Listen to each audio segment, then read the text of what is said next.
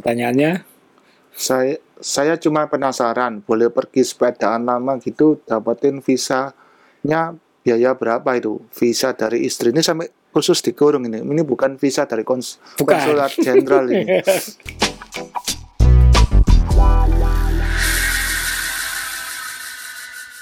Teman-teman, kita ketemu lagi akhirnya setelah dua bulan mungkin eh, kita tidak edisi yang normal yang duduk di meja seperti ini, Om Johnny Ray dan saya. Eh, sekarang kita ketemu lagi Eh, dan episode kali ini kita eh, tidak punya tema khusus. Kita ingin menjawab pertanyaan-pertanyaan yang muncul dari perjalanan Om Johnny Ray, saya dan Om John Bumiharjo waktu ke Amerika bulan Juni lalu. Karena ternyata banyak sekali pertanyaannya, bukan hanya di komentar di YouTube, tapi juga di eh, media sosialnya Om Ray, eh, di main sepeda, atau pertanyaan-pertanyaan via WA dan lain-lain. Jadi kita sudah memilih, tim kami sudah memilih beberapa pertanyaan-pertanyaan yang mereka anggap kayaknya harus dijawab, karena banyak orang sepeda ini kan juga ingin eh, mendapat penjelasan lebih dan mungkin kalau ada kesempatan atau ada kemampuan ingin eh, pergi juga atau seperti apa. Nah, ya kita ingin sharing di sini eh, dan di akhir nanti kita juga ingin bawa ingin bagi oleh-oleh. Jadi di depan kita ini sudah ada beberapa uh, merchandise. Uh, sebenarnya kita pengen bagi-baginya sejak sebelumnya, tapi mohon maaf karena saya sempat positif. Kemudian uh, juga situasi uh, pembatasan nasional, jadi kita baru bisa bagi-bagi sekarang. Mohon maaf juga mungkin kalau uh, oleh-olehnya mungkin bukan sesuatu yang besar spektakuler, tapi kita memastikan ini oleh-oleh yang yang otentik seperti itu. Jadi misalnya ada topi-topi sepeda Unbound Gravel, uh, topi-topinya Calvi karena kita kemarin juga ketemu dengan uh, timnya Calvi Design di Kansas, kaos kaki Unbound Gravel, topinya Melo Johnny yang yang dari uh, toko sepedanya milik Lance Armstrong. Jadi ya minimal buat kenang-kenangan dan kebetulan ada satu juga ini. Ini kemarin juga ada banyak yang nanya uh, jersey atau kaos yang kita pakai itu apakah dijual atau tidak ya, Mri? Ya, Nah, ini sebenarnya kemarin uh, kita sudah merencanakan sub jersey, sudah merencanakan ingin produksi. ingin produksi, tapi karena situasi pembatasan nasional jadi agak tertunda sedikit, jadi mohon maaf, tapi uh, masih dalam rencana akan dalam edisi terbatas uh, pakaian yang kita pakai uh, waktu di Kansas. Ini kaos yang kita pakai sehari-hari uh, saat di sana. Nah ini kita akan bagikan juga. Jadi ada enam pemenang nanti di akhir. Jadi kita akan menjawab pertanyaan. Kemudian nanti di akhir kita akan melempar pertanyaan. Nanti tolong jawab pertanyaan dari kita itu di kolom komentar. Nanti kita tim kami akan memilih dari dari yang menjawab di kolom komentar itu enam pemenang.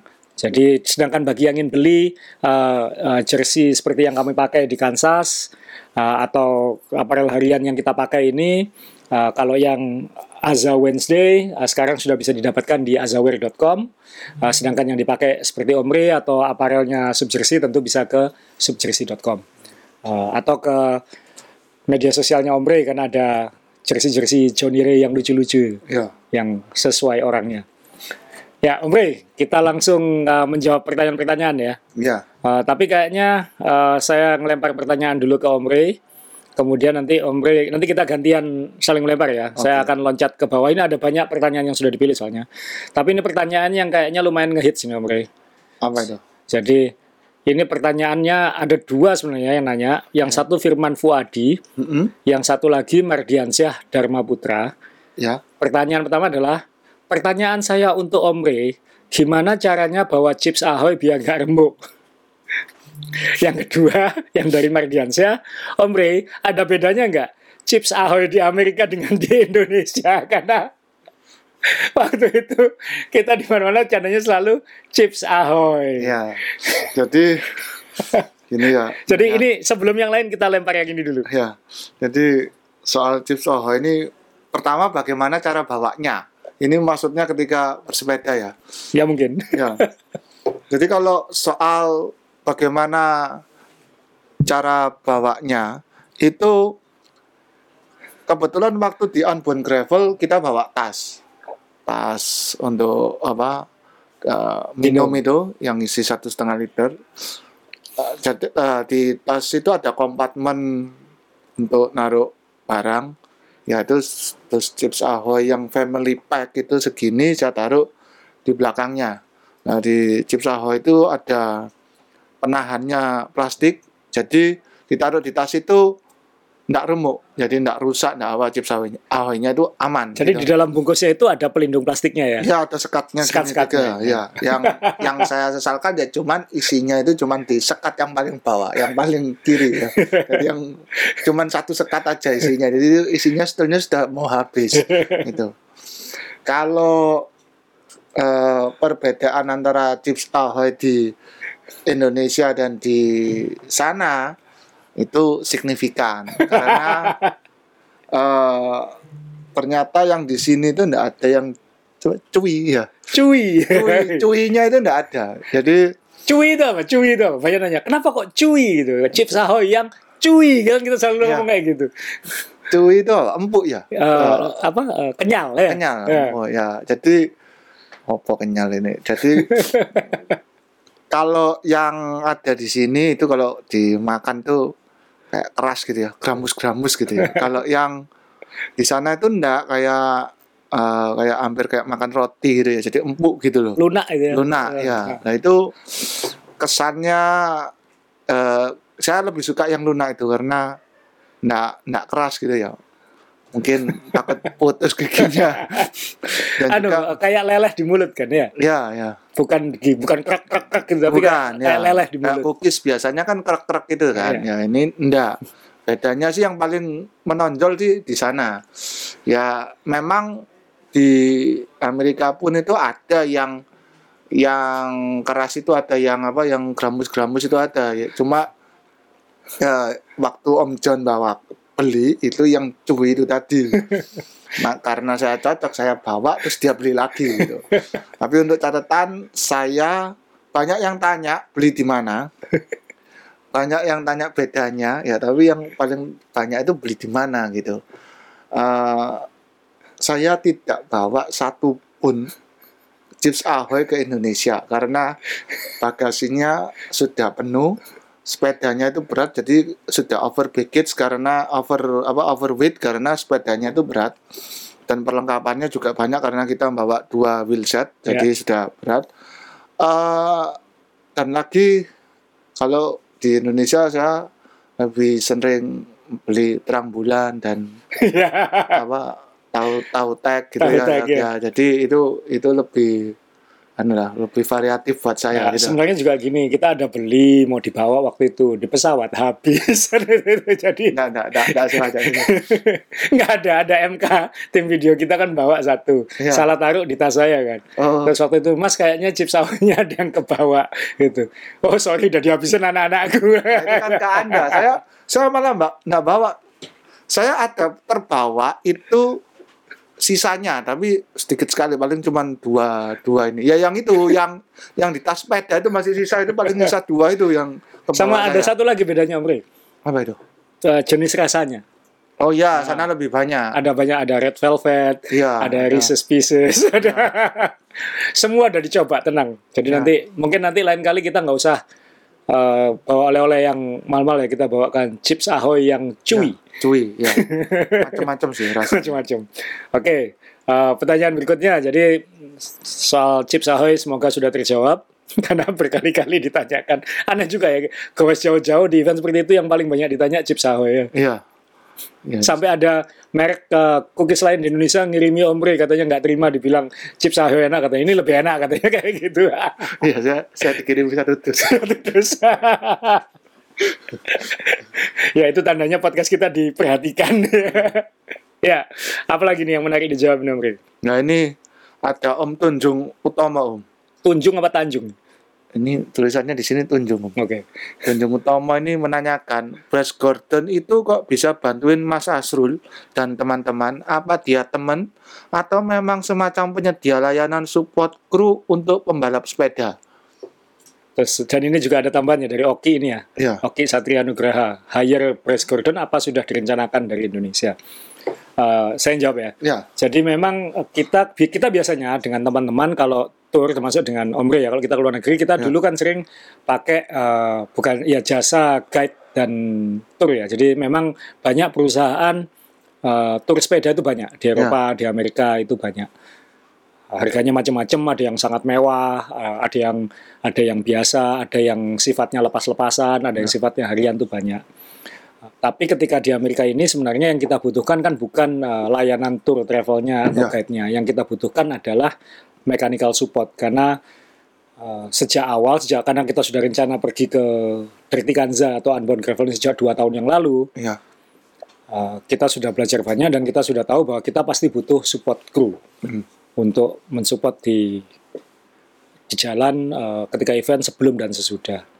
Nah waktu itu kita karena kita juga sering traveling, kita tuh punya banyak kenalan, banyak teman uh, yang uh, di industri itu, di industri sepeda, bukan hanya di industri tour sepedanya, tapi juga di uh, produsen uh, komponen, Ya. di produsen sepeda. Kita punya banyak teman dan mereka itu yang uh, aktif uh, membantu kita. Jadi waktu itu kita minta tolong, ada nggak yang bisa kita hire untuk uh, jadi uh, mekanik dan support crew dan Ya. dia harus pengalaman tentang balapan model begini. Kenapa? Karena kita nggak pengalaman. Ini kan Ya. kali pertama saya ikut yang seperti ini gitu. Kalau ikut kita dulu pernah ikut di Itali event yang nanja-nanja, tapi itu kan ya. itu kan masih aspal dan Ya. masih ada banyak pit stop areanya, masih seperti event-event yang kita kenal di Indonesia. Nah ini kan nggak, ini lepasan gitu. Benar. Jadi orangnya harus taktis dalam uh, bisa mensupport dan lain-lain. Ya. Uh, tapi waktu itu uh, kita pikir satu orang cukup, mungkin lain kali harus dua orang ya, karena harus uh, Ya. Harus ada pindah. mekanik, harus pindah dan lain-lain. Nah waktu itu salah satu yang direkomendasikan adalah Bryce Gordon. Nah, Bryce Gordon ini tinggalnya di Colorado di Aspen. Uh, dia ternyata mekaniknya uh, dia dulu waktu junior pembalap junior nasional Amerika MTB. Jadi pembalap Ya, Pembalap cross, cross nasional. country ya. cross country. Jadi waktu di Expo itu sebenarnya yang ada videonya Omri lagi naik sepeda itu dia sebenarnya sepeda itu sama dia di jumping-jumpingin ya. Ya, bisa muter-muter gitu. Bisa saya muter. saya juga bisa kalau Bryce Gordon itu Nah, mungkin muter gitu cuma sekali. nah. Kalau saya bisa tiga kali. Ya. Habis itu nggak ada kontrol. Habis itu rumah sakit. sakit. ya jadi ya dia memang eh, apa, dulunya pembalap profesional cross country MTB jadi dunia off road. Kemudian dia 18 tahun jadi mekanik ya. Ya. Dan dia ternyata eh, bekerja di toko sepeda di Aus di Aspen, Aspen Colorado itu yang jadi jujukannya Lance Armstrong juga. Jadi dia cukup berpengalaman eh, dan dia tahu apa yang harus dilakukan dan dia self self support ya. Dalam artian Ya. dia dia punya perlengkapan dan uh, uh, mobil yang mumpuni gitu. Jadi dia nggak Ya. perlu hotel karena karena dia dibutuhkan mobil. Wah. Dia punya hotel berjalan itu Ya, mobil. di mobilnya yang eh, pendengar bisa lihat di episode sebelumnya tuh ya yang besar bagus itu. Ya. Itu apa RAM ya Ya, mobilnya. Dodge Ram ya. Dodge Ram itu terus ada tempat tidurnya, ada eh, bengkelnya. Sebetulnya Ada eh, dapur kecil, ada tempat iya. cucinya ya. yang luar biasa tuh juga karena dia mantan atlet dan juga mekanik yang mumpuni sepeda kita itu memang benar tiga sama frame-nya tapi eh, grup setnya beda-beda Beda. settingannya beda-beda jadi kalau kita eh, mekanik ini tidak mumpuni pasti mempelajari aja mungkin cuma dilihati sepedanya kita aja sudah sudah bingung ya karena yang satu eh, one by yang satu eh, cranknya dua Ya. terus mintanya gini mintanya gitu jadi eh, dan dia tuh benar-benar sudah bisa milah dan kerjanya cepat bayangkan satu mekanik itu misalnya waktu itu kita minta oh ini kurang ditinggikan. Setelah dia ninggikan dia menyesuaikan yang lain. Saya tanya kenapa disesuaikan? Oh ya ini kan habis ditinggikan nanti dia ngecek bannya habis itu dia ngecek pedalnya lagi gitu. Jadi eh, secara komprehensif dia ngecek semua. Misalnya kita ganti ban nanti dia nyetel lagi kan. Ya. habis ganti ban halus ke ban kasar Ya. habis itu dicek lagi remnya remnya sudah benar apa enggak Ya. gearnya jalan sempurna apa enggak dengan sprocket bawaan wheelset yang baru jadi Ya, itu jadi kita kayak ngerasain punya mekanik level World Tour ya. ya Jadi kita minta betulin ini, dia bisa ngecekin yang lainnya Ya. sekalian karena dia tidak menunggu kita uh, merasakan, dia yang akan ngecek duluan sebelum kita merasakan kayak gitu. Betul, ya. Itu itu kita bersyukur. Nah, uh, memang ini beruntungnya kita yaitu bersepeda ini kan juga menjalin hubungan ya Om Ri ya. Maksudnya kita kalau pergi ke mana-mana pasti ada yang kenal. Jadi gunakan uh, kesempatan networking dalam bersepeda ini untuk menjalin hubungan karena itu nanti kita tidak tahu kapan itu bisa jadi bermanfaat kan. Betul. Jadi kalau kita uh, meskipun banyak orang yang sering traveling keliling dunia tapi kalau nggak nggak networking, nggak supel, nggak gampang uh, bergaul atau gampang uh, berkomunikasi dan lain-lain belum tentu bisa uh, dapat seperti ini gitu. Ya. Dan uh, Bryce-nya sendiri juga karena sudah di briefing oleh teman kita itu dia sudah tahu kita seperti apa. Jadi nggak nggak nggak aneh-aneh, nggak ya. kaku. Dan dan dia melean kan maksudnya dia Ya. kita tidur dia ternyata belum tidur gitu. Ya. Kita bangun pagi sepedanya udah siap semua. Betul. Jadi dia benar-benar uh, profesional gitu. Profesional. Profesional. Yang contohnya secara teknis nih gini, kalau grup zat saya kan paling beda dengar. Grup zat saya Kampak Nyolo Ekar tuh termasuk baru ya Ah, dan juga one by. Itu ada salah satu yang sa- sa- salah satu yang khas di grup set ini itu di bagian belakangnya itu ada eh, kayak knobnya ada tekanan itu, Ya. Eh, ada buttonnya kecil. Itu untuk supaya ketika dia dilepas ban Hmm. dan kalau dipasang lagi itu harus ditekan Ya. supaya fungsi RD-nya ini bisa berfungsi. Ingat yang pertama saya hari pertama yang error, Ya. nah itu kan karena saya waktu neken itu nggak bisa kembalikan. nah waktu itu sebenarnya saya waktu ketemu Bras itu saya nggak nggak kasih tahu dia kan. Hmm. Saya lihat ngerti nggak dia. Ternyata dia sudah paham gitu. Jadi cara cara nekennya itu nggak nggak syukur ditekan gini. Jadi ada kayak mesti diangkat sedikit RD-nya supaya fungsi mekanisnya itu bisa berfungsi dengan baik dan dia sudah paham gitu. Jadi kelihatannya memang sepele ya, Iya. tapi kalau kita melihat sepeda unik terus dimengerti mekanik itu kan kita lebih lebih tenang kan gitu. Iya. Jadi nggak perlu khawatir wah ini mekaniknya tidak no apa nggak nggak paham gitu ya mungkin eh, kalau ITEP mungkin mekaniknya Anda mungkin akan kaget atau akan nggak percaya ketika mekanik megang I- ITEP AEX elektronik sambil tanya ini buat ngopernya kalau pindah depan bagaimana? Gitu. Wah Anda kan pasti wah Waduh. itu ini ya kan? Waduh ini belum pernah megang gitu. Terus om ini kalau ngoper saya pegang ini kok nggak bisa ganti ya? Yang depannya ya yang berarti nggak pernah megang ini. Apalagi yang hebat Ri. apa itu? Ingat kita kan Sabtu itu unboundnya. Iya. sampai hampir tengah malam kan waktu itu. ya Terus habis itu uh, besok pagi-pagi dia sudah harus dia malam itu langsung nyuci semua, ya paginya langsung dirapikan semua sepeda kita sudah bersih semua. Dia malah membantu making kan, ya making ya making. Kemudian uh, kita selesai, dia langsung hari itu nyetir lagi 9 jam hari Minggu kan itu dia Ya. nyetir lagi 9 jam kembali ke Aspen. Aspen ya Kenapa? Karena Seninnya kerja katanya.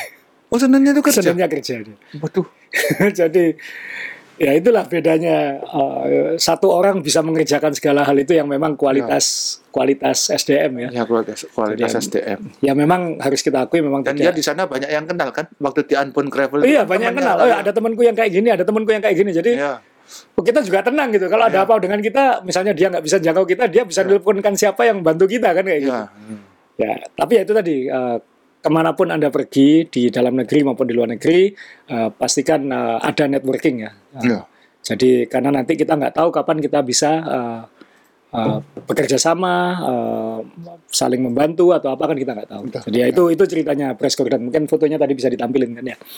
Kemudian uh, apa lagi nih yang perlu dijawab? Oh ini ini mungkin agak uh, ya ini aku tanya ke Om Ri dulu lah ini lah.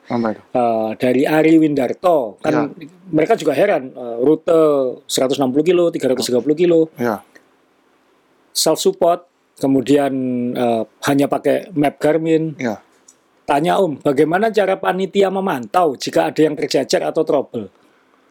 Eh, sepanjang Unbound Gravel itu di apalagi di Medan Gravelnya yang sepi yang jalan untuk khusus peternakan atau rumah-rumah desa itu desanya sana. Jadi itu kalau ndak mobil panitia mobilnya sheriff ya atau mobil ya mobil patroli. patroli ya. Patroli itu itu mondar mandir. Apalagi di eh, di penggalan-penggalan jalan yang bahaya. Jadi yang dan yang banyak membuat orang ya mereka sudah pengalaman pasti tahu ini jalan yang membuat tersiksa orang. Jadi mereka sering mondar-mandir di situ untuk nangkepi atau eh, apa menyelamatkan eh, penggawai atau pesepeda yang tidak kuat atau yang kelelahan itu mereka cari di situ. Jadi mereka muter-muter di jalan itu. Jadi jalan itu mereka susuri dari ujung nanti kembali lagi, Ya. susuri dari ujung nanti kembali pakai lagi. eh, double cabin Double atau pakai jeep cabin ya. ya, yang Karena mobil biasa nggak bisa lewat ya mau tebannya yang tebel-tebel itu tinggi-tinggi. Semi-semi Bigfoot itu. ya kalau transformer itu kan Ironhead kalau enggak salah. Ironhead, ya. Nah, itu. Jadi mobilnya seperti itu. Sama juga ada timing checkpoint ya. Jadi di tempat-tempat tertentu ada timing checkpoint untuk memantau peserta. Jadi mereka bisa tahu eh, jam sekian itu masih ada berapa orang di mana kira-kira Oh. kayak gitu. Ada satu yang ini yang kalau ada trouble bagaimana kalau tercecer ini bagaimana sebetulnya mereka punya satu aplikasi, ya, Aplikasi, betul. Yang bisa memberitahu peserta ini lagi trouble di koordinat mana. Jadi mereka bilang kalau kita nelpon kru kita lalu harus mencari kita itu kan bisa mengganggu peserta lain. Ya, Karena kalau mobil lewat di jalanan itu, kerikilnya berterbangan, debunya berterbangan, bisa menghalangi jalan, naik turunnya berbahaya, bisa membahayakan peserta. Jadi mereka menyarankan kita pakai aplikasi itu. ya, Kalau kita memang sudah menyerah ya, uh, dan tempat menyerahnya itu jauh dari uh, drink stop atau pit area, kita pakai aplikasi itu karena aplikasi itu kan ngasih tahu koordinat pasti. oh, Jadi nanti panitia yang nyebut. yang jemput. Jadi menurut saya itu memang baik. Jadi nggak kebanyakan orang seliweran. Gitu. Kalau di Ya. Indonesia kan sering, kadang-kadang saya pernah dulu kan kita sering bikin event, misalnya komunitas ini pesertanya hanya empat orang, Ya, mobilnya dua, ya, kan agak agak menu-menuhi jalan lah kayak Ya. gitu. Nah ini mereka menyarankan pakai aplikasi itu supaya dan itu langsung tahu koordinatnya. Jadi mereka yang akan menjemput kita minimal mengantarkan ke checkpoint atau eh, pit stop terdekat. ya. Kalau Ini tidak, aplikasi yang saya tahu setelah saya selesai unbound gravel. loh, aku ngasih tahu waktu itu, itu ada Ya. aplikasinya. Ya. Waktu setelah setelah selesai itu kan saya tanya, "Loh, ini kalau orang ada trouble tengah jalan di mana? Lo kamu nggak tahu ada aplikasinya? Anda kan bilang gitu. Ya nggak tahu. Coba tahu mungkin sudah saya tekan. Gitu. Dan itu kan hebatnya karena kan eh, sinyal kan banyak nggak ada kan. Ya, Sinyal sinyal eh, handphone kan nggak ada. Tapi Ya. kan aplikasi itu kan pakai GPS apa nggak tahu pakai GPS atau apa. Jadi kalau kita neken itu kayak ngasih kode kita ada di situ. Jadi kayak tombol SOS gitu modelnya. oh, Lumayan lumayan eh, keren juga. Ya tidak mudah lah bikin event memang seperti ini emang. Oke, i- terus ini Om dari yang pertanyaan dari Om Kevin. Kevin ini. ya. Om Kevin is Om Kevin Ismanto ini menanyakan, Om Masrul, Om Ray dan Om John, kalau boleh bahas total biaya kalau mau ikut unbound gravel. Jadi teman-teman bisa persiapan ikut next eventnya. Nah ini memang kita sangat banyak ya nanya ya biayanya Ya. berapa. Ini sangat eh, ya kita sebenarnya tidak ingin bicara harga dan lain-lain tapi kalau dipikir sebenarnya juga kan bukan bukan kita kan bukan tur mewah kan ya Hmm. kita kan nggak pakai tour and travel kita nyetir sendiri semua kita nyewa rumah Ya. hotel kita juga hotel-hotel yang biasa kita tidak makan di tempat mewah Eh, sebenarnya kalau kita hitung bikin event seperti ini menurut saya biaya terbesar adalah pesawat ya Ya, Nah, pesawat itu bukan hanya tiket pesawatnya, Eh, tapi juga kalau misalnya pengalaman saya dan teman-teman kalau ke luar negeri, koper sepeda itu sering jadi tambahan biaya atau beban kayak gitu. Eh, kayak kita kemarin eh, di- dikasih batas satu orang dua bagasi masing-masing 23 kg betul. tidak boleh lebih 23 kg itu. Jadi benar-benar benar-benar 46 dibagi dua, nggak boleh 30 sama 30 sama 16 itu nggak boleh. Benar-benar 23 23. 23 23 ya. Jadi planningnya harus baik karena kalau nggak nambahnya mahal ya. Ya, Koper sepeda kalau di Amerika itu bisa uh, dicas 150 sampai 200 dolar per trip sekali jalan. Kebetulan kita tidak pakai penerbangan domestik, kita semua pakai mobil. Kita landing di Houston, Texas, lalu kita naik mobil ke mana-mana. Jadi kita sendiri-sendiri, jadi nggak sewa supir, hanya sewa mobil. Sewa mobil juga sebenarnya yang pengalaman pasti tahu, yang mahal bukan sewa mobilnya, yang mahal sewa asuransinya. jadi asura, biaya asuransinya bisa dua kali sewa mobilnya. Nah, tapi tetap uh, karena disendiri sendiri lebih fleksibel jadi ya yang paling mahal kan sewa orang kalau di luar negeri ya jadi tetap yang paling mahal komponen termahal menurut saya adalah uh, pesawatnya kalau ikut eventnya nggak mahal kan ya Ya. biaya pendaftarannya 200 dolar ya 200 dolar itu dapat uh, nggak dapat jersey nggak dapat apa-apa cuma dapat nomor sama kayak uh, kayak paket-paket uh, sponsor kayak gitu jadi jersey kaos semua kayak topi-topi ini kita harus beli oh dapat kaos sih dapat kaos Kaos satu. Kaos itu t-shirt kan? T-shirt, t-shirt T-shirt. ya, bukan jersey. Kalau yang pernak-pernik ini harus harus beli sendiri. Jadi kalau ikut eventnya sih nggak terlalu mahal, tapi ikutnya kan juga nggak gampang ya, karena ada lotre ya. Ya. Karena hanya bisa menampung 3.000 peserta, karena kotanya nggak sanggup ya. Hotelnya aja kita kan kalau penuh dari hotel itu kita harus nginep di mana? Sa- asrama ya. Di asrama sekolah. ya, asrama kampus ya. Asrama kampus. ya. Asrama kampus yang satu lantai kamar mandinya sharing itu. Ya, masalahnya enggak ada enggak ada orang kampusnya waktu itu ya. Iya, karena pas libur musim panas. Iya. Uh, kemudian uh, hotel kita aja terpisah kok sebenarnya. Hotelnya Om Ray dan Om John terpisah dengan hotel saya karena memang tidak bisa dapat satu hotel yang sama. Jadi kalau Ini- kita mau ngapa-ngapain harus naik Ya. mobil ke sana kemari gitu. Walaupun dekat, tapi ya maaf hotel saya itu bukan hotel yang sangat jauh dari mewah, bahkan wifi aja enggak ada di sana. dan nggak breakfastnya cuma apa? Nggak ada breakfast? Enggak ada, enggak ada. nggak ada breakfast. Nggak ada jadi harus breakfast. cari makan sendiri. Jadi ya. Memang seperti itu malah ada yang harus menginap satu jam dari Emporia Ya. jadi sebelum event harus naik mobil uh, teman kira teman apa teman dari Indonesia apa Mas Ari ya Masa Omar dari Om Ari dari dari Virginia itu ya. dia harus menginap di kota namanya Topeka itu 50 menit naik mobil dari Emporia Ya. jadi bayangkan Karena sebelum- nemu ini nemu. karena terlambat uh, Cari- hotel cari hotel. Jadi yang paling susah, yang paling mahal tetap nanti ongkos pesawatnya. Kalau penginapan kan tergantung tiap orang pengen mewah atau tidak, Ya. itu sangat sangat tergantung, Subjektif. sangat subjektif. Sama soal eh, apa backpack itu Oh ya baik-baik. Ya. itu harus benar-benar dipersiapkan. Ya, mohon maaf, eh, backpack yang mahal, yang aman itu biasanya besar dan berat. Nah, yang ki- kita pakai ini backpack yang termasuk biasa dan yang paling kecil, mungkin tidak yang paling aman karena Soft backpack case. soft case-nya ini kalau kita taruh ya ya kayak soft case gitu kayak tas empuk gitu ya kayak tas biasa kayak, kayak tas ranselnya kita umumnya tapi besar gitu jadi kalau kita taruh ya sudah dia tidak ada struktur penguatnya gitu langsung ngelembrek gini ya Iya. lain dengan backbox yang eh, kalau istilahnya itu exoskeleton gitu ya. Maksudnya kuat gitu kayak kepiting gitu ya. Kan cangkangnya kuat gitu. Jadi sepeda itu aman di dalam. Nah untung dari pertama saya dilarang sama Om Asa ini bawa backpack yang kuat tadi nih. Kan kalau sepeda itu sayang sepeda ya bukan sayang yang lain. Jadi sayang sepeda.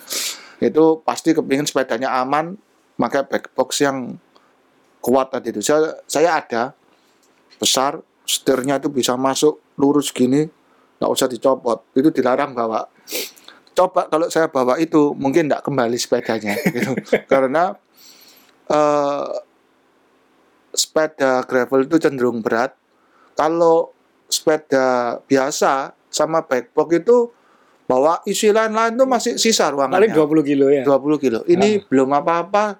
Udah 20 23. 23 itu sudah hampir ditinggal sepedanya ini gitu. Jadi kalau ya kalau biasanya backbox itu kan diisi baju sepeda, sepatu, helm. Iya. Nah ini sampai harus dikeluarkan dipindah ke bagasi baju yang lain karena sudah berat gitu. Apalagi kalau saya ba- bawa backbox yang backboxnya sendiri sudah Overweight. overweight ya. Ya, jadi biaya biaya terbesar adalah eh, menurut saya eh, kalau tidak planning, Ya. Planning itu bisa membantu menghemat. Jadi kayak Ya. saya kita bukan melarang Om Ray waktu itu. Kita bilang kamu kalau bawa backpack ini, kamu nyetir mobil sendiri. Ya. Waktu itu kita udah bilang kayak gitu. Ya. Nah, jadi kita harus kalau misalnya ke negara-negara seperti Eropa, Amerika, selama kita bisa planning, itu kita bisa eh, memastikan misalnya tidak eh, tidak non budgeternya itu tidak keluar kayak gitu. Ya. Uh, sehingga kita bisa memaksimalkan uangnya untuk makan, untuk Ya. Kebutuhan-kebutuhan lain. Jadi misalnya sewa mobil bisa di planning dari jauh, hotel-hotel bisa di planning dari jauh. Ya. Uh, termasuk perjalanan itu nanti ngisi bensin di mana, biaya bensin segala macam bisa di bisa di planning semua. Uh, dan di Amerika itu kalau kita bisa planning, kita bisa hematnya banyak. Kayak kayak Ya. pesawat tadi kan.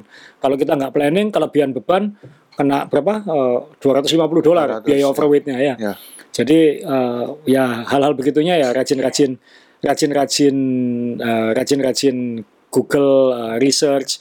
Jadi dan pastikan mandiri lah. Ya. Pastikan mandiri karena di sana itu biaya manusia yang mahal ya kan. Ya. Kayak saya waktu spoke saya patah itu. Betul. Kan cuma ganti spoke, tapi habisnya 100 dolar lebih. Kenapa? Dihitung dua jam kerja. Satu Oh. jam kerjanya 50 dolar. Jadi yang mahal bukan ganti spoke-nya, yang bah- yang mahal adalah biaya orangnya. Nah, asal selama bisa planning dan misalnya hotel bisa Airbnb kan bisa sewa rumah itu bisa. Jadi kalau dibilang uh, kalau kita hitung-hitung ya ke Bali itu bisa lebih mahal daripada kita ke Amerika kan kayak gitu ya Bro ya.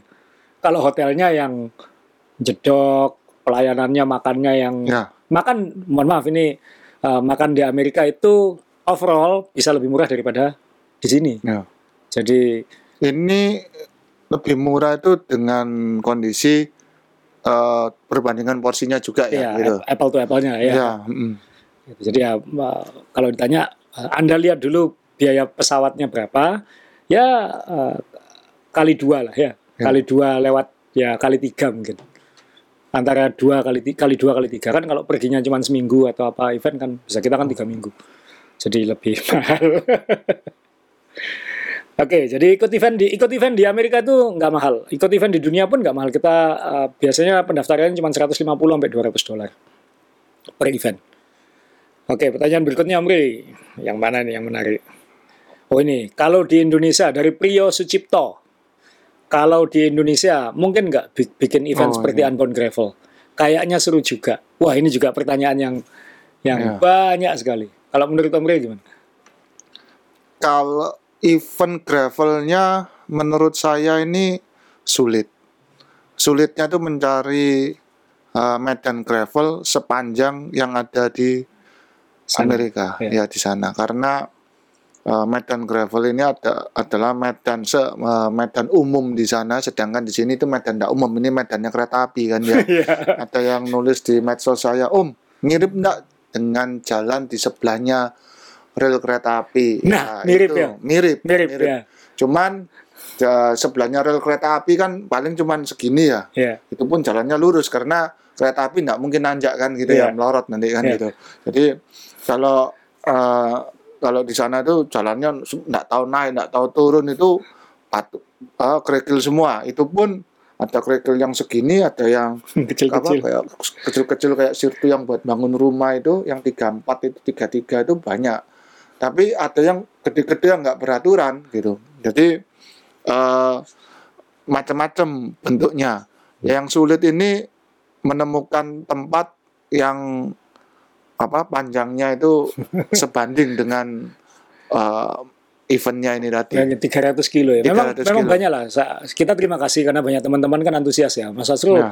uh, atau Ko Omri atau Om John, kita nyoba ke sini dong, nyoba ke sini dong. Di sini ada, di sini ada Hmm. kayak gini, di sini ada. Uh, tapi pada akhirnya lo panjangnya nggak sama.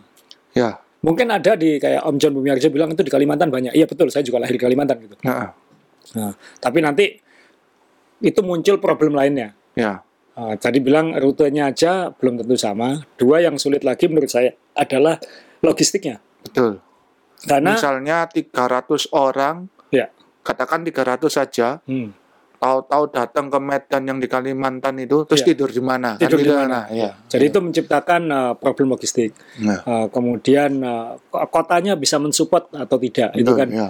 misalnya ya tadi jumlah hotel, uh, jumlah uh, bisnis pendukungnya misalnya restoran, Ya, uh, toko sepedanya. ya, Saya ingat uh, beberapa tahun yang lalu bikin event uh, Grand Fondo Tondano, ya, kita waktu itu harus menerbangkan banyak mekanik dari Jawa betul. sama mem- membawa banyak spare part dan ban dalam cadangan dari Jawa. Kenapa? Waktu itu di Manado belum ada uh, toko sepeda Betul. yang mumpuni. Ya, Jadi ada challenge-challenge seperti itu. Nah kemarin kan uh, pelek saya uh, waktu itu kebetulan NV ada masalah, tapi waktu itu bisa dibetulin karena di situ ada supportnya. betul. Itu juga kan di toko yang di Anbun Gravel itu kita kan memang diarahkan datang ke toko itu. Ah, Walaupun terkesan promosi dan sponsorship, cuman eh, dari situ toko ini benar-benar bisa memberikan informasi kan Hmm. uh, unbound gravel ini seperti apa Ya. yang kamu butuhkan tuh apa gitu jadi Ya dia bisa bilang kamu eh, ini jangan pakai yang ini, ini ganti yang ya, ini gitu. jadi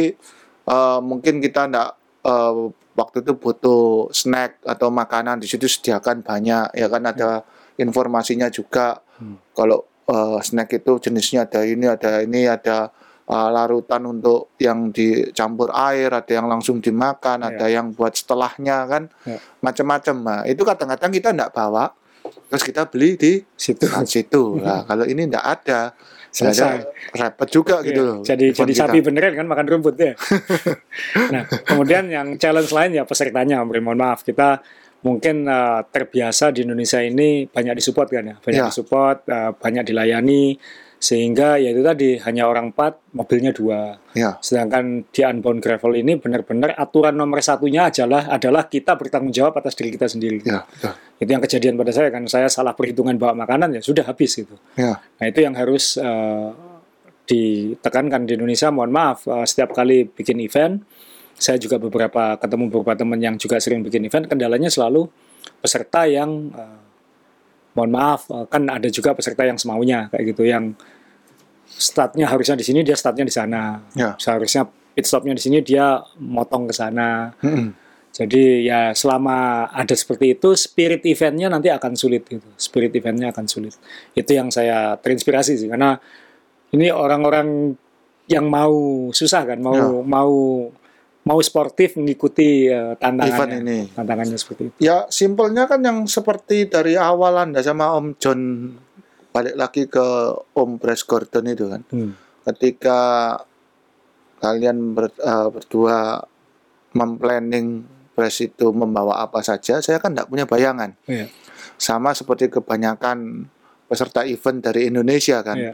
Ketika saya di pit stop, saya akan cari mana tempat makanannya, Iya. mana tempat airnya.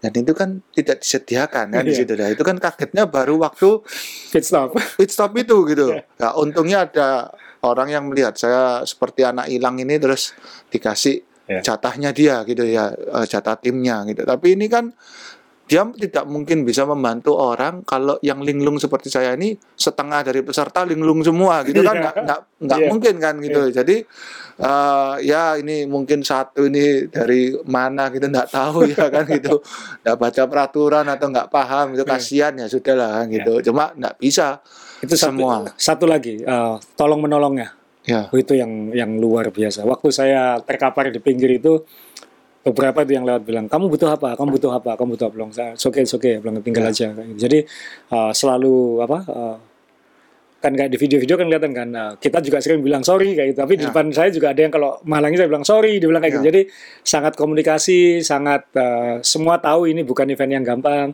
Uh, dan ada bercandanya kayak misalnya waktu saya melewati sungai tiba-tiba ada yang menghalangi di tengah sungai.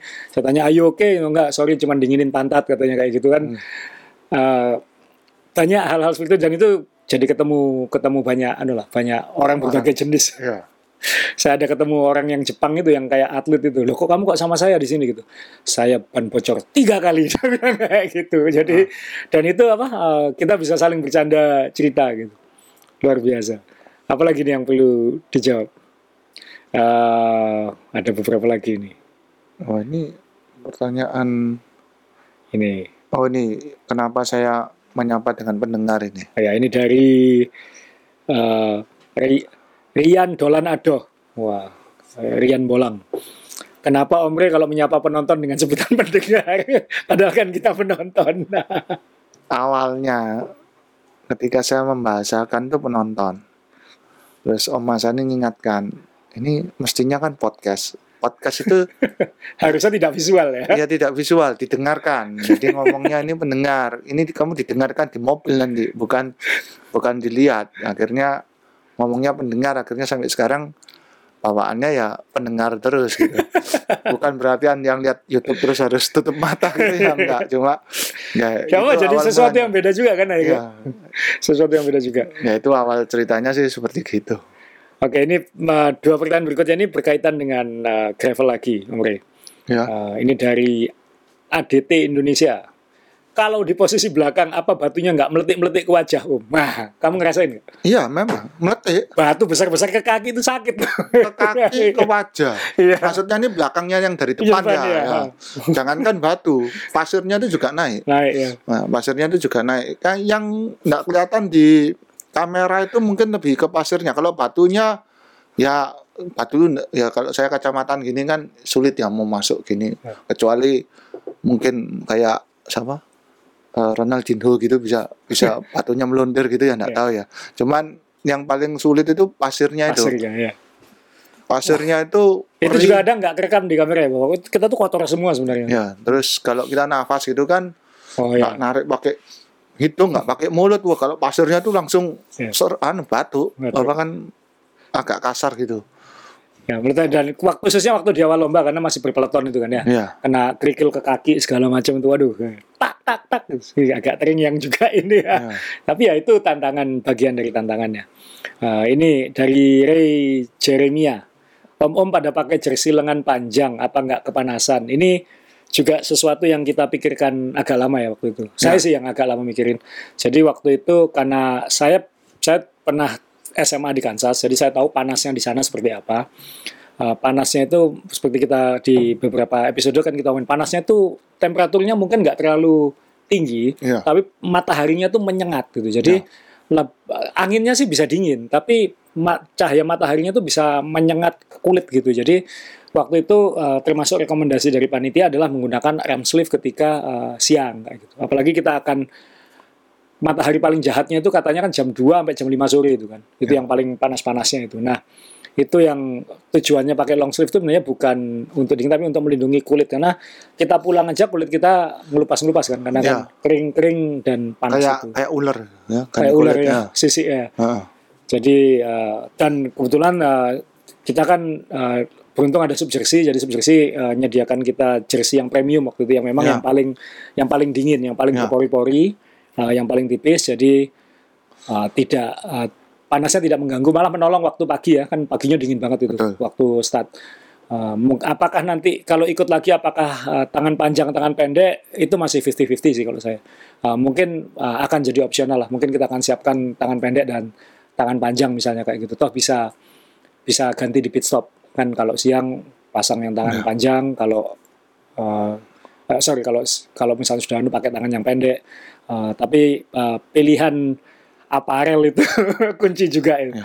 banyak yang eh, pakai ini juga apa eh, bandana Hood. sama ya Sama buff buff karena memang panasnya yang panas jadi bukan panas ya kalau kita di sini kan sumuk ya kan Ya. lembab kalau orang di Indonesia ini kan lembab di sana itu bukan lembab di sana itu Ya, panas kering panas panas apa ya menusuk itu itu yang yang agak beda ya jadi kalau ikut lagi ya 50-50 pakai iya. kalau kepanasan sih menurut saya enggak Hmm. karena fungsinya ini juga apa ya melindungi dari pasir-pasir tadi itu juga Ya. terus ya itu tadi kalau kita terpapar matahari segitu lama walaupun kita biasa cuman eh, kulitnya itu kan perihnya ya perih, perih Melepuh. kan, melepuh ya melepuh ya melepuh melepuh untuk kita kan leher kan melepuh kan sakit Ya. mandi itu sakit kena ya meskipun sudah pakai sunblock ya tetap tetap melepuh. Karena mataharinya agak agak beda. Dan eh, pertama-tama Om John Bumiarjo sama saya kan pakai Om Ray kan nggak bisa pakai kacamata sunglasses kan harus Ya. pakai kacamata minus kan. Ya saya pakai kontak lens jadi masih bisa. Waktu itu saya sama Om John kan bawa fotokromik nggak bawa yang biasa. Tapi waktu kita tes rute segala macam saya bilang sama Om John itu ini kayaknya nggak mungkin pakai fotokromik. Mataharinya itu kalau siang itu bener-bener apa eh, ke mata gitu Iya. jadi waktu apa silau ya silau banget. Jadi akhirnya sama Om John eh, kita beli kacamata itu di Emporia. Kebetulan kan ada pamerannya juga, jadi kita beli kacamata di situ untuk ngasih perlindungan lebih. Toh nanti kalau misalnya gelap bisa tuker kacamata fotokromik.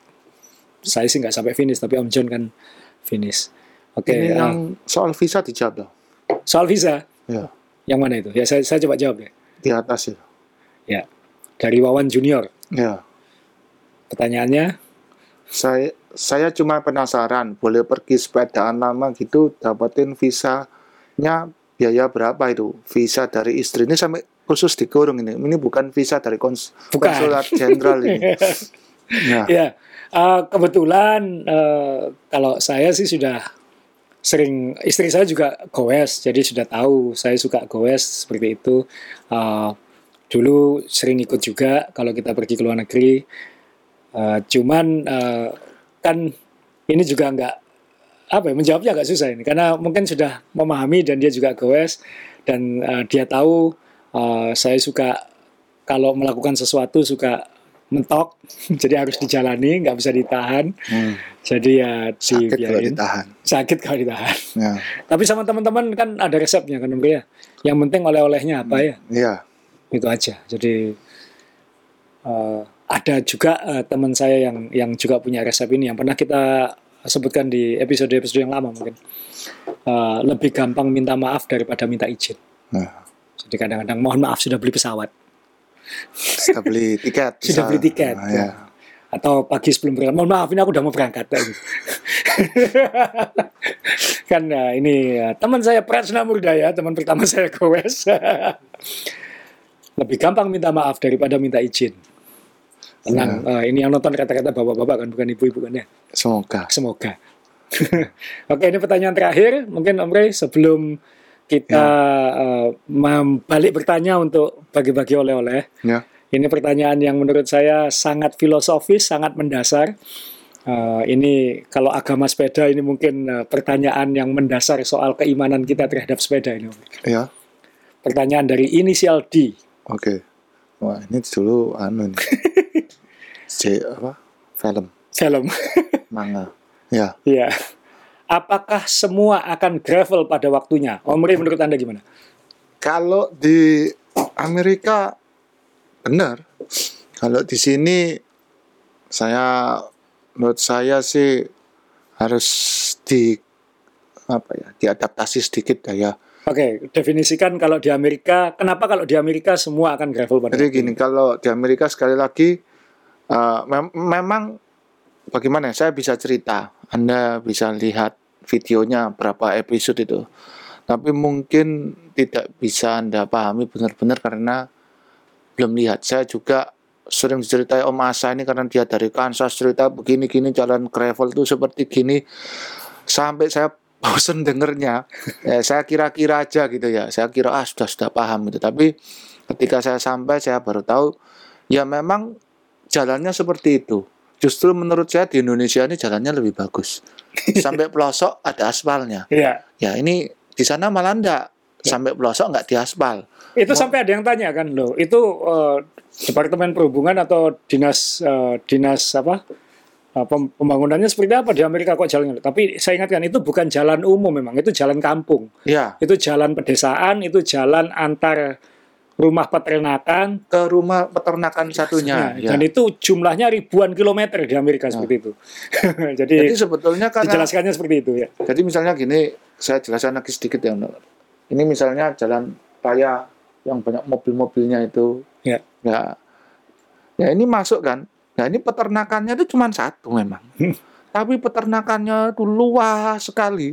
Nah jadi buat apa bangunkan jalan Aspal. aspal untuk satu peternakan ini? Jadi dia bangunnya ya ya sekedar jalan untuk bisa dilewati. dilewati ini untuk satu peternakan ini dan peternakan tetangganya. Mungkin yang sebelah sana tuh bisa dilewati dari jalan yang Satu se- lagi. sat- satunya lagi sebelah sana. Jadi tidak perlu jalan bagus-bagus. Kira-kira logikanya itu seperti gitu gitu aja. Ada orang sana nyebutnya country road, Country road. country Nah, road, jalan jalan jalan pedesaan ya.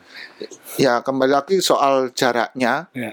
karena saya sudah lewat itu jaraknya yang saya bilang jalan peternakannya itu ya namanya peternakan kan di sana gede-gede jadi lewat ini mau dijabanin 100 kilo, 200 kilo, 300 kilo keturutan gitu. Itu satu lap ya, sa- satu, lap, satu satu kali jalan. Kalau Anda mau putar balik gini lagi ya mungkin 200 kali dua aja gitu ya. Mungkin sampai nyebrang negara bagian jalannya bisa seperti gitu terus kan gitu. Jadi ya kalau di sana Banyak opsinya ya. banyak opsinya dan menurut saya malah lebih baik karena enggak ketemu mobil besar Iya. terus mau anda mau balapan sama teman anda silahkan nggak ada yang larang gitu Nggak ganggu Nggak siapa-siapa. ganggu siapa-siapa Iya.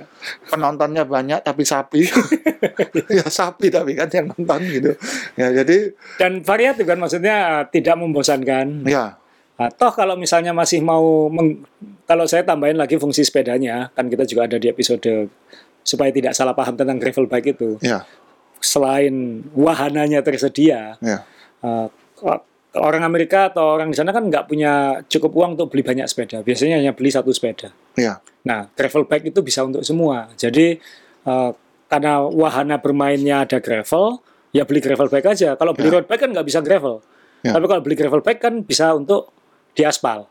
ya, Bisa untuk di aspal, bisa untuk kerja, ya, bisa untuk touring, bisa dipasangi tas. Jadi buat mereka akhirnya wah ketemu ini.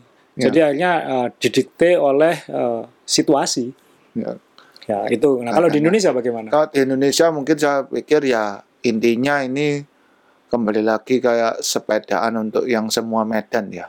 Ya. Gitu. Jadi eh, road bike mungkin road bike yang lama, yang mungkin MTB MTB yang di road bike kan. Jadi kalau di sini kan gitu MTB di road bike kan, Ya. road bike di MTB kan kan jadi nah, akhirnya ketemunya kan di tengah gitu. Ketemunya di gravel Ya, ya. Jadi kalau road bike bannya dibesarkan, kalau MTB bannya di- Dikecilkan. kan gitu. Jadi fungsinya menurut saya eh, sebetulnya di daerah-daerah pinggiran itu di pinggir kota itu sering kita lihat sepeda yang mainstreamnya itu ya tidak condong ke road bike atau tidak condong ke full MTB ya. Ya. Ya intinya ya ya sepedaan aja gitu loh.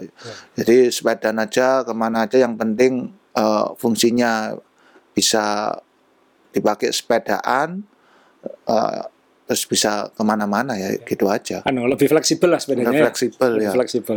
Saya sih menikmati kok pakai gravel sejak sejak dari ikut unbound itu jadi lebih ya sama meskipun saya sudah paham apa itu gravel tapi jadi lebih bisa menjiwai apa itu gravel. Kalau menurut saya di Indonesia ini lebih cocok gravelnya diarahkan lebih ke touring bike ya. Ke touring bike ya. Ya, touring bike ya. Jadi Walaupun walaupun touring bike yang sebenarnya yang dimaksud touring bike itu kan sangat spesifik ya. hmm, Em, ada tempat untuk spok cadangan, Ya. ada lampu sendiri, Ya. bawa makanan buat tapi menurut saya ya paling enggak touring bike yang sepeda biasa aja, sepeda apa aja yang penting bisa dikasih tas ya. ya terus ya sudah bolang aja gitu pergi aja gitu ya gitu Jadi kalau misalnya harus melewati jalan-jalan yang rusak ya itu gravelnya kan. gravelnya ya Itu gravelnya. Nah, toh eh, sejauh saya sepedaan yang sampai jauh-jauh di Indonesia ini kita tidak perlu banyak bawa bekal karena ya itu tadi eh, minimarket, warung dan Banyak. masih banyak gitu ya gitu. Jadi Di Amerika nggak ada. Malah saya itu- baru ketemu toko kelontong ya di tempat saya out itu di kilometer 200 Iya, malah, lebih itu. malah di sana lebih tidak tersedia. Jadi eh, kan di sini nih menunya kan ya satu ya nasi campur ya nggak tahu campur apa kan gitu ya nggak tahu kalau yang agak sana sedikit campur pecel kalau di sini campur ikan sana campur tahu gitu ya kalau di Jawa semua ikan gitu Iya. cuma jangan kaget ada ikan tahu ikan tempe ikan apa gitu ya Ya, jadi kalau kalau orang daerah kan jelas oh ini eh, ikan sunu ikan apa goropa kan gitu ya kalau tempat saya bilang kalau, kalau sini kan enggak ikan tahu ikan tempe ikan apa semuanya ikan gitu tapi enggak ada akuariumnya semuanya ikan Ya Iwak. mungkin mungkin ada nih Om Bre- Om Bre ya. Jadi kalau mungkin ada teman-teman eh, punya eh, masukan atau apa mungkin bisa kontak ke eh, sosmednya media mainsepeda.com Ya. atau ke Bre misalnya eh, kasih tahu ada rute-rute yang bisa saya tahu lah ada banyak yang sudah menghubungi kita juga tapi saya menyampaikan ini masih belum bisa karena gravelnya hanya 10 kilo, gravelnya hanya 20 kilo. Ya, kalau gravel enggak om kemarin tuh minggu baru saya coba Hmm. di eh, beritahu salah satu netizen tuh baik santu itu eh, orang ak- akunnya masih tahu rute di Mojokerto sini itu sampai jalannya bagus Hmm. sepi sampai mojok-mojok mana-mana itu Ya. ketemu 130 kilo itu jarak terdekatnya PP dari ke Surabaya bagian barat off-road. enggak on Aspal. road, aspal Hmm. bagus sambil belajar sejarah Terowulan. Iya, lewat Trawulan. Tapi enggak lewat yang jalannya kita itu. Oh. Enggak lewat yang jalan apa? Cedek nyowo itu ya. Itu, ya, itu enggak ini jauh ini jalannya sepi. Oh. Jadi eh, apa di Tapi kan yang yang yang kita inginkan kan ada gak jalan-jalan yang menantang untuk gravel bike maksudnya, yang bukan bukan polosan, bukan aspal maksudnya. Di Indonesia kalau misalnya ada rute-rute off-road, uh, agak beda juga sama rute MTB loh ya. Ya. Rute MTB kan single track kalau di Amerika nyebutnya ya kan. Nah, Kayak jalan susah. sawah itu, jalan sawah itu kan Ya. single track. Ini gravel ini kan masih lebar kayak gitu. Ya. Ya, Ya itu susah kalau gravelnya. ya mungkin nanti eh, ya beri informasi juga ke main sepeda mungkin mungkin bisa menulis juga kirimkan eh, artikelnya atau pengalaman goesnya ke mainsepeda.com nanti eh, tim mainsepeda.com mungkin akan eh, memuatnya di di website ya Ya. sekaligus untuk informasi teman-teman semua eh, destinasi goes yang menarik di daerah Anda. Oke Om Ril, kita sekarang ke kita yang nanya sekarang ya kita tutup dengan eh, pertanyaan dari kita eh, untuk eh, pendengar karena kita ada enam hadiah ada kaos eh, tim kita waktu di sana Eh, yang punya sejauh ini baru Om Ray, Om John, saya dan Bryce. Ya. Kemudian ada kaos kaki Unbound Gravel. Ini saya tunjukkan lagi Sama Pak, kaosnya. Pak Rama mungkin punya dong. Kenapa? Pak Rama.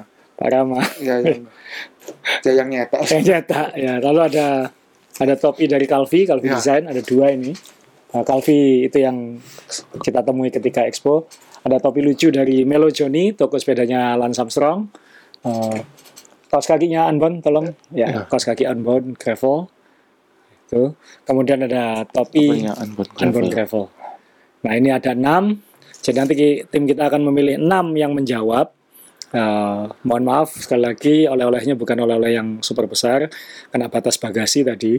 Ini jawabnya harus semua. Ya ini, ini tadi kita juga debat, ini kita nyiapin beberapa pertanyaan, tapi kayaknya kita pilih tiga pertanyaan, Ya. tapi dalam kolom komen itu dia harus menjawab tiga tiga tiganya dalam satu satu komen. Oke. Nanti kita pilih yang benar dan yang yang beruntung.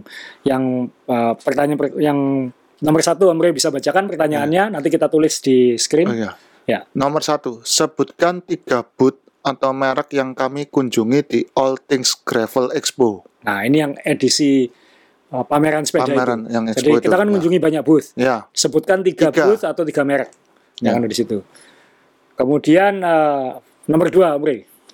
Yang kedua, sebutkan nama tiga kota tempat kami gowes selama di Amerika. Nah, kita kan mengunjungi banyak tempat, Ya, tiga kota saja. tiga kota saja. Ya. Nah itu jawab juga di situ. Eh, lalu juga eh, ini eh, mungkin saya pilih ya saya pilih ya, Rey ya. Ya. Jadi ini ini mungkin pertanyaan yang mungkin tidak ada jawaban aslinya, tapi kita ingin tahu juga eh, respon teman-teman semua. Jadi Ya. ini pertanyaan yang kalau di sini yang nomor 4 Om Rey, yaitu apa yang paling berkesan buat Anda dari tempat-tempat atau acara yang kami kunjungi atau kami ikuti. Oh. Jadi tolong eh, misalnya apakah itu pelajaran, apakah itu kerapian, apakah itu tantangan, eh, tolong eh, tulis singkat apa yang paling berkesan buat Anda dari tempat-tempat yang kami kunjungi. Itu untuk masukan kita juga sekaligus eh, untuk melihat seperti apa eh, respon dari teman-teman karena eh, kita pergi itu kan juga sebenarnya kita ingin memasukkan elemen-elemen pengetahuan ya kayak misalnya jalur sepeda, kemudian eh, rute-rute sepeda, bagaimana toko sepeda dan lain-lain. Eh, Moga-moga bermanfaat. Jadi tiga pertanyaan tadi eh, tulis di jawab semua di kolom komen. Nanti enam akan mendapatkan hadiah yang kami bawa ini. Jadi seperti itu ya Om Rey ya. Jadi terima kasih. Sama satu lagi mohon maaf eh, Om Rey kita eh, setelah episode ini kita libur dulu ya Ya. libur dulu beberapa minggu nanti kita kita umumkan lagi kalau kita kembali lagi. Jadi uh, sebagai penutup uh, terima kasih dari Om Rey, saya Om John Bumiarjo Uh, dan ini situasi pandemi masih belum berakhir. Uh, kita dalam beberapa minggu terakhir banyak dapat berita duka ya Om Rey ya, banyak Ya. teman kita bersepeda di berbagai kota uh, antara sakitnya berat atau uh, Kerabatnya meninggal. kerabatnya meninggal atau teman kita juga ada. teman kita goes juga ada yang meninggal jadi ya, kami mengucapkan bela sungkawa buat teman-teman dan keluarga yang kehilangan Eh, tolong jaga kesehatan kita masing-masing eh, supaya pandemi ini segera berakhir dan supaya kita semua bisa goes normal bisa bikin event lagi bisa ketemuan lagi bisa membangun networking lagi yang lebih lebih luas dan saling sharing lagi. Jadi sekali lagi terima kasih Eh, sampai ketemu lagi